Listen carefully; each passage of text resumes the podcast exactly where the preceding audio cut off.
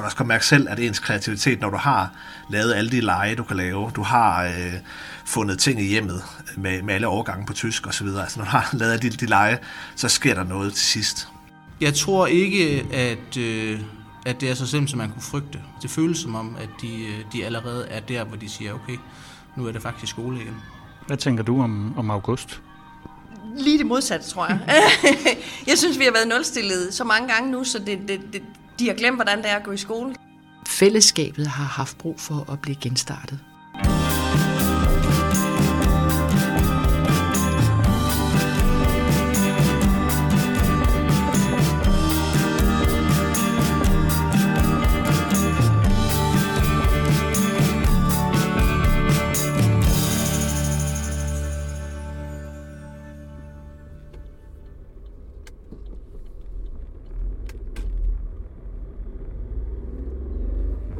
Der er temmelig grønt på Djursland. Det er sidste del af juni, og jeg er på vej til en skole i Ryumgård. Lærere og elever er ved at kunne puste ud efter et alt andet end normalt skoleår.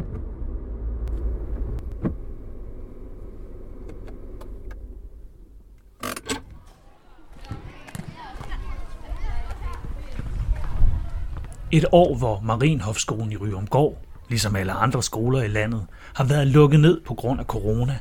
Men også et skoleår, der sluttede med masser af liv i skolegården. Altså hvis man forestiller sig den der gennemsnitlige landdistriktsskole med to spor og 400 elever, med sådan typiske klassestørrelser på sådan en 20-25 elever i hver klasse. Så er det her. Ja, så der. Jeg har bedt to lærere om at gøre status. Men selvfølgelig er der rigtig mange, der har været hudsultne og talesultne og fællesskabssultne og alt muligt andet sultne. Og enkelte, de, altså, vi har jo oplevet nogen, der kom tilbage i skole, og de kunne næsten ikke snakke. Men også kigge frem mod det, der venter på den anden side af sommerferien. Jeg synes, der var en befriende sådan metodefrihed en gang imellem, når vi arbejdede. Og den, og den tager jeg med mig. Altså den der anden måde at arbejde på. Nu, nu har jeg sådan læring for øje og trivsel for øje. Og så er det det, jeg arbejder som mit, mit primære fokus. Og så må det der nogle gange halvdumme systemer, man skal efterleve, de må komme i anden række. Det er Rasmus Bakke Jensen, og her Annette Christensen, jeg har mødtes med. Vi har forsøgt, øh, eksperimenteret en del med at lave mundtligt arbejde på, øh, på skærmen, så vi ikke henfaldt til kun at lave skriftligt arbejde. Vi har prøvet at lave øh, grupper, så de blev tvunget til at sidde og tale med hinanden, og vi har lavet grupper bevidst, hvor de ikke var i vennegrupper, men, men netop den der lidt tilfældig snak, man får med, med bekendte, at den vurderede vi var rigtig vigtig. Men, men vi har... Øh, altså, fællesskabet har haft brug for at blive genstartet. Det tror jeg helt sikkert. Altså, vi har jo også oplevet det der med, at vi havde 9. klasse, så de blev sendt tilbage en uge, en, en hvad hedder det, hver anden uge. Så var det hjemme, så var det på skolen, så var det hjemme, så var det på skolen. Og så der synes jeg klart, man kunne mærke forskellen mellem, at når du havde dem på online-undervisning lige ugen efter, de havde siddet deroppe og snakket ting og sager, så faldt de altså helt ned i aktivitetsniveau. Jeg kan også godt mærke selv, at ens kreativitet, når du har lavet alle de lege, du kan lave, du har øh, fundet ting i hjemmet med, med alle overgange på tysk osv., altså når du har lavet alle de, de lege, så sker der noget til sidst. Og her i august, der sker der jo det, at der begynder et nyt skoleår. Et skoleår, som Annette Christensen har gjort sig flere tanker om, hvordan hun planlægger bedst muligt, med særlig fokus på elevernes fællesskab. Jeg kan mærke, når jeg begynder at planlægge den undervisning, jeg skal starte op med efter sommerferien, så har jeg meget mere fokus på de ting, man kun kan lave op i klassen. Vi arbejder meget hårdt på den der med, at I skal ikke være bedste venner. Det kan vi ikke forlange af jer, men I skal være gode kolleger. Gode kolleger starter ikke med at se på hinanden og sige røv. Gode kolleger, de starter med at sige øh, godmorgen, og man har en kultur i klasserummet, hvor man, man ikke behøver sådan skamrose hinanden, men, men hvor man taler ordentligt til hinanden, og hvor man øh, også bliver trænet i at arbejde med folk, man ikke nødvendigvis har specielt meget til fælles med. Det hedder samarbejdsevne. Det er vel ikke blevet mindre vigtigt efter 2020 og 21, eller hvad? Tværtimod. Noget af det, folkeskolen helt generelt skal, det er, at vi skal hvad det hedder, træne ungerne til at kunne begå sig i mange sammenhænge. Det er folkeskolen, der byder på fællesskabet. Derhjemme har man et lille fællesskab, folkeskolen er det store fællesskab. Jeg siger farvel til lærerne Rasmus og Annette og den livlige skolegård i Ryumgård. Sætter mig ind i min bil og kører mod syd. Næste destination er Odense. På vejen, der kan jeg lige fortælle dig lidt om Genstart Fællesskabet.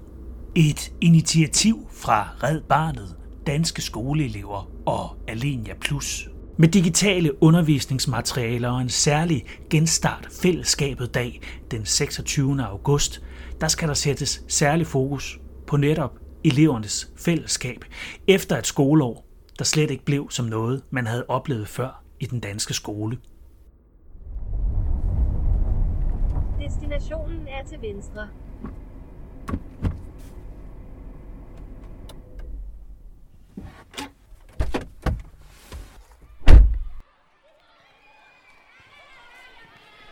Heller ikke i en anden meget livlig skolegård her i slutningen af juni 2021.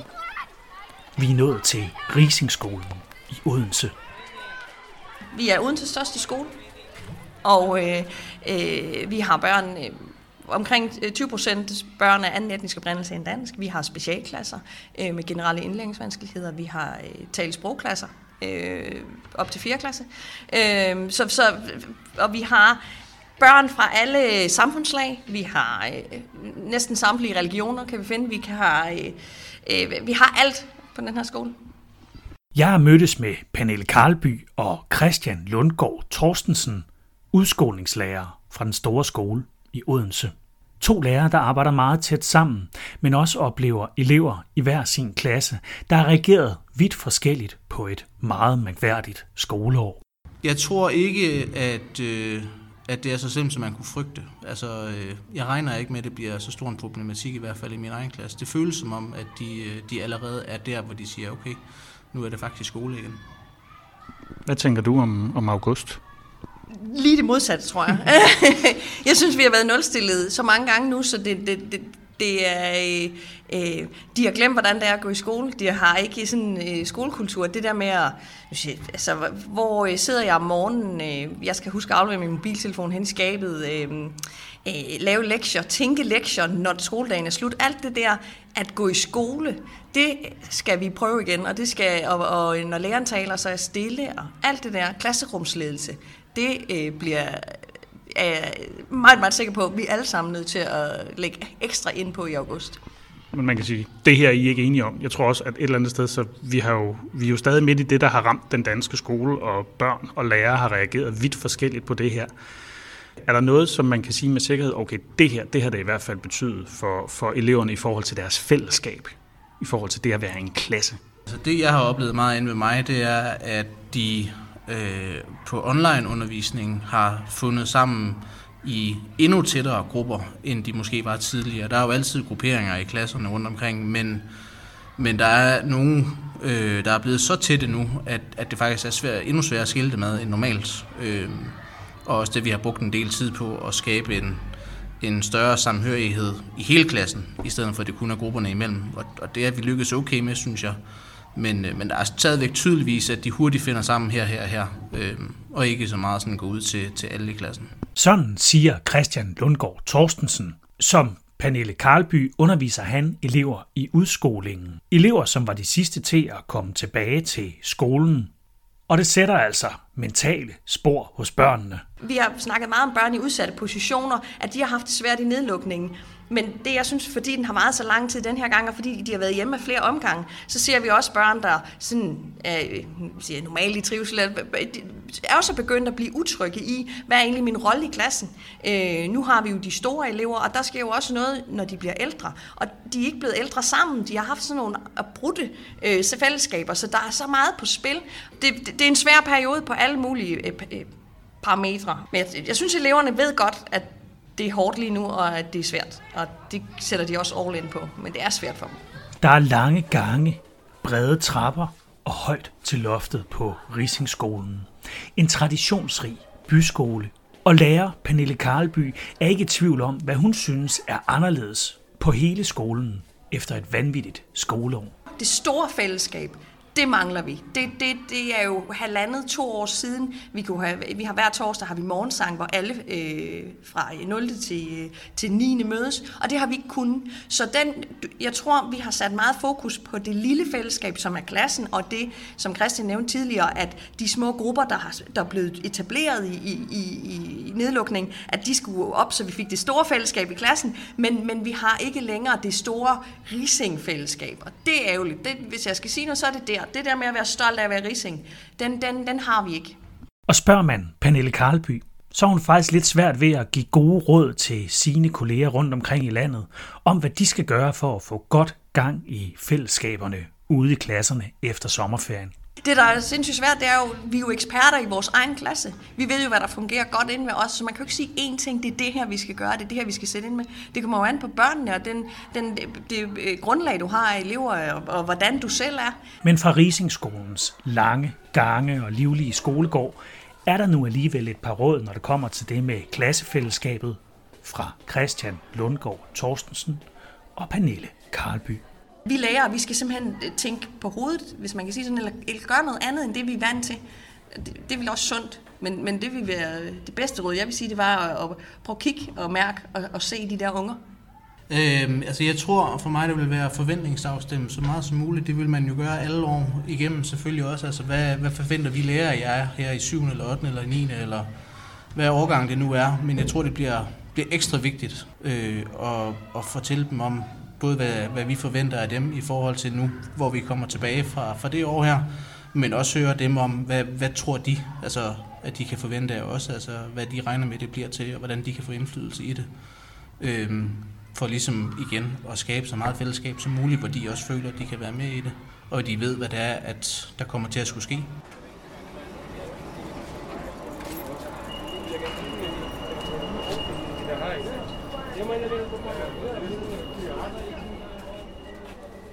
Jeg er nået til København, og i metro er jeg på vej til Red Barnet og et af de mennesker i landet, der ved allermest om børns trivsel i skolen.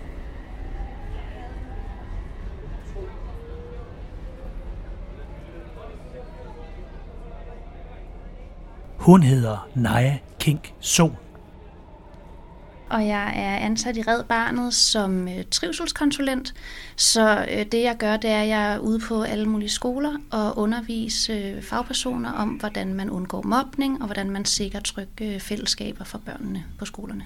Jeg er noget, der hedder pædagogisk antropolog, så jeg har en pædagogisk uddannelse med særlig fokus på kultur og, øh, og hvordan børn hører til i fællesskaber. Hvorfor er det vigtigt at fokusere på trivsel i 21-22 skoleåret? Jamen, det er rigtig vigtigt lige nu, fordi at det sidste skoleår var virkelig mærkelig, og børnene var rigtig meget væk fra hinanden, og de havde nogle mærkelige rammer at, at skulle være i i forhold til, hvad de plejer.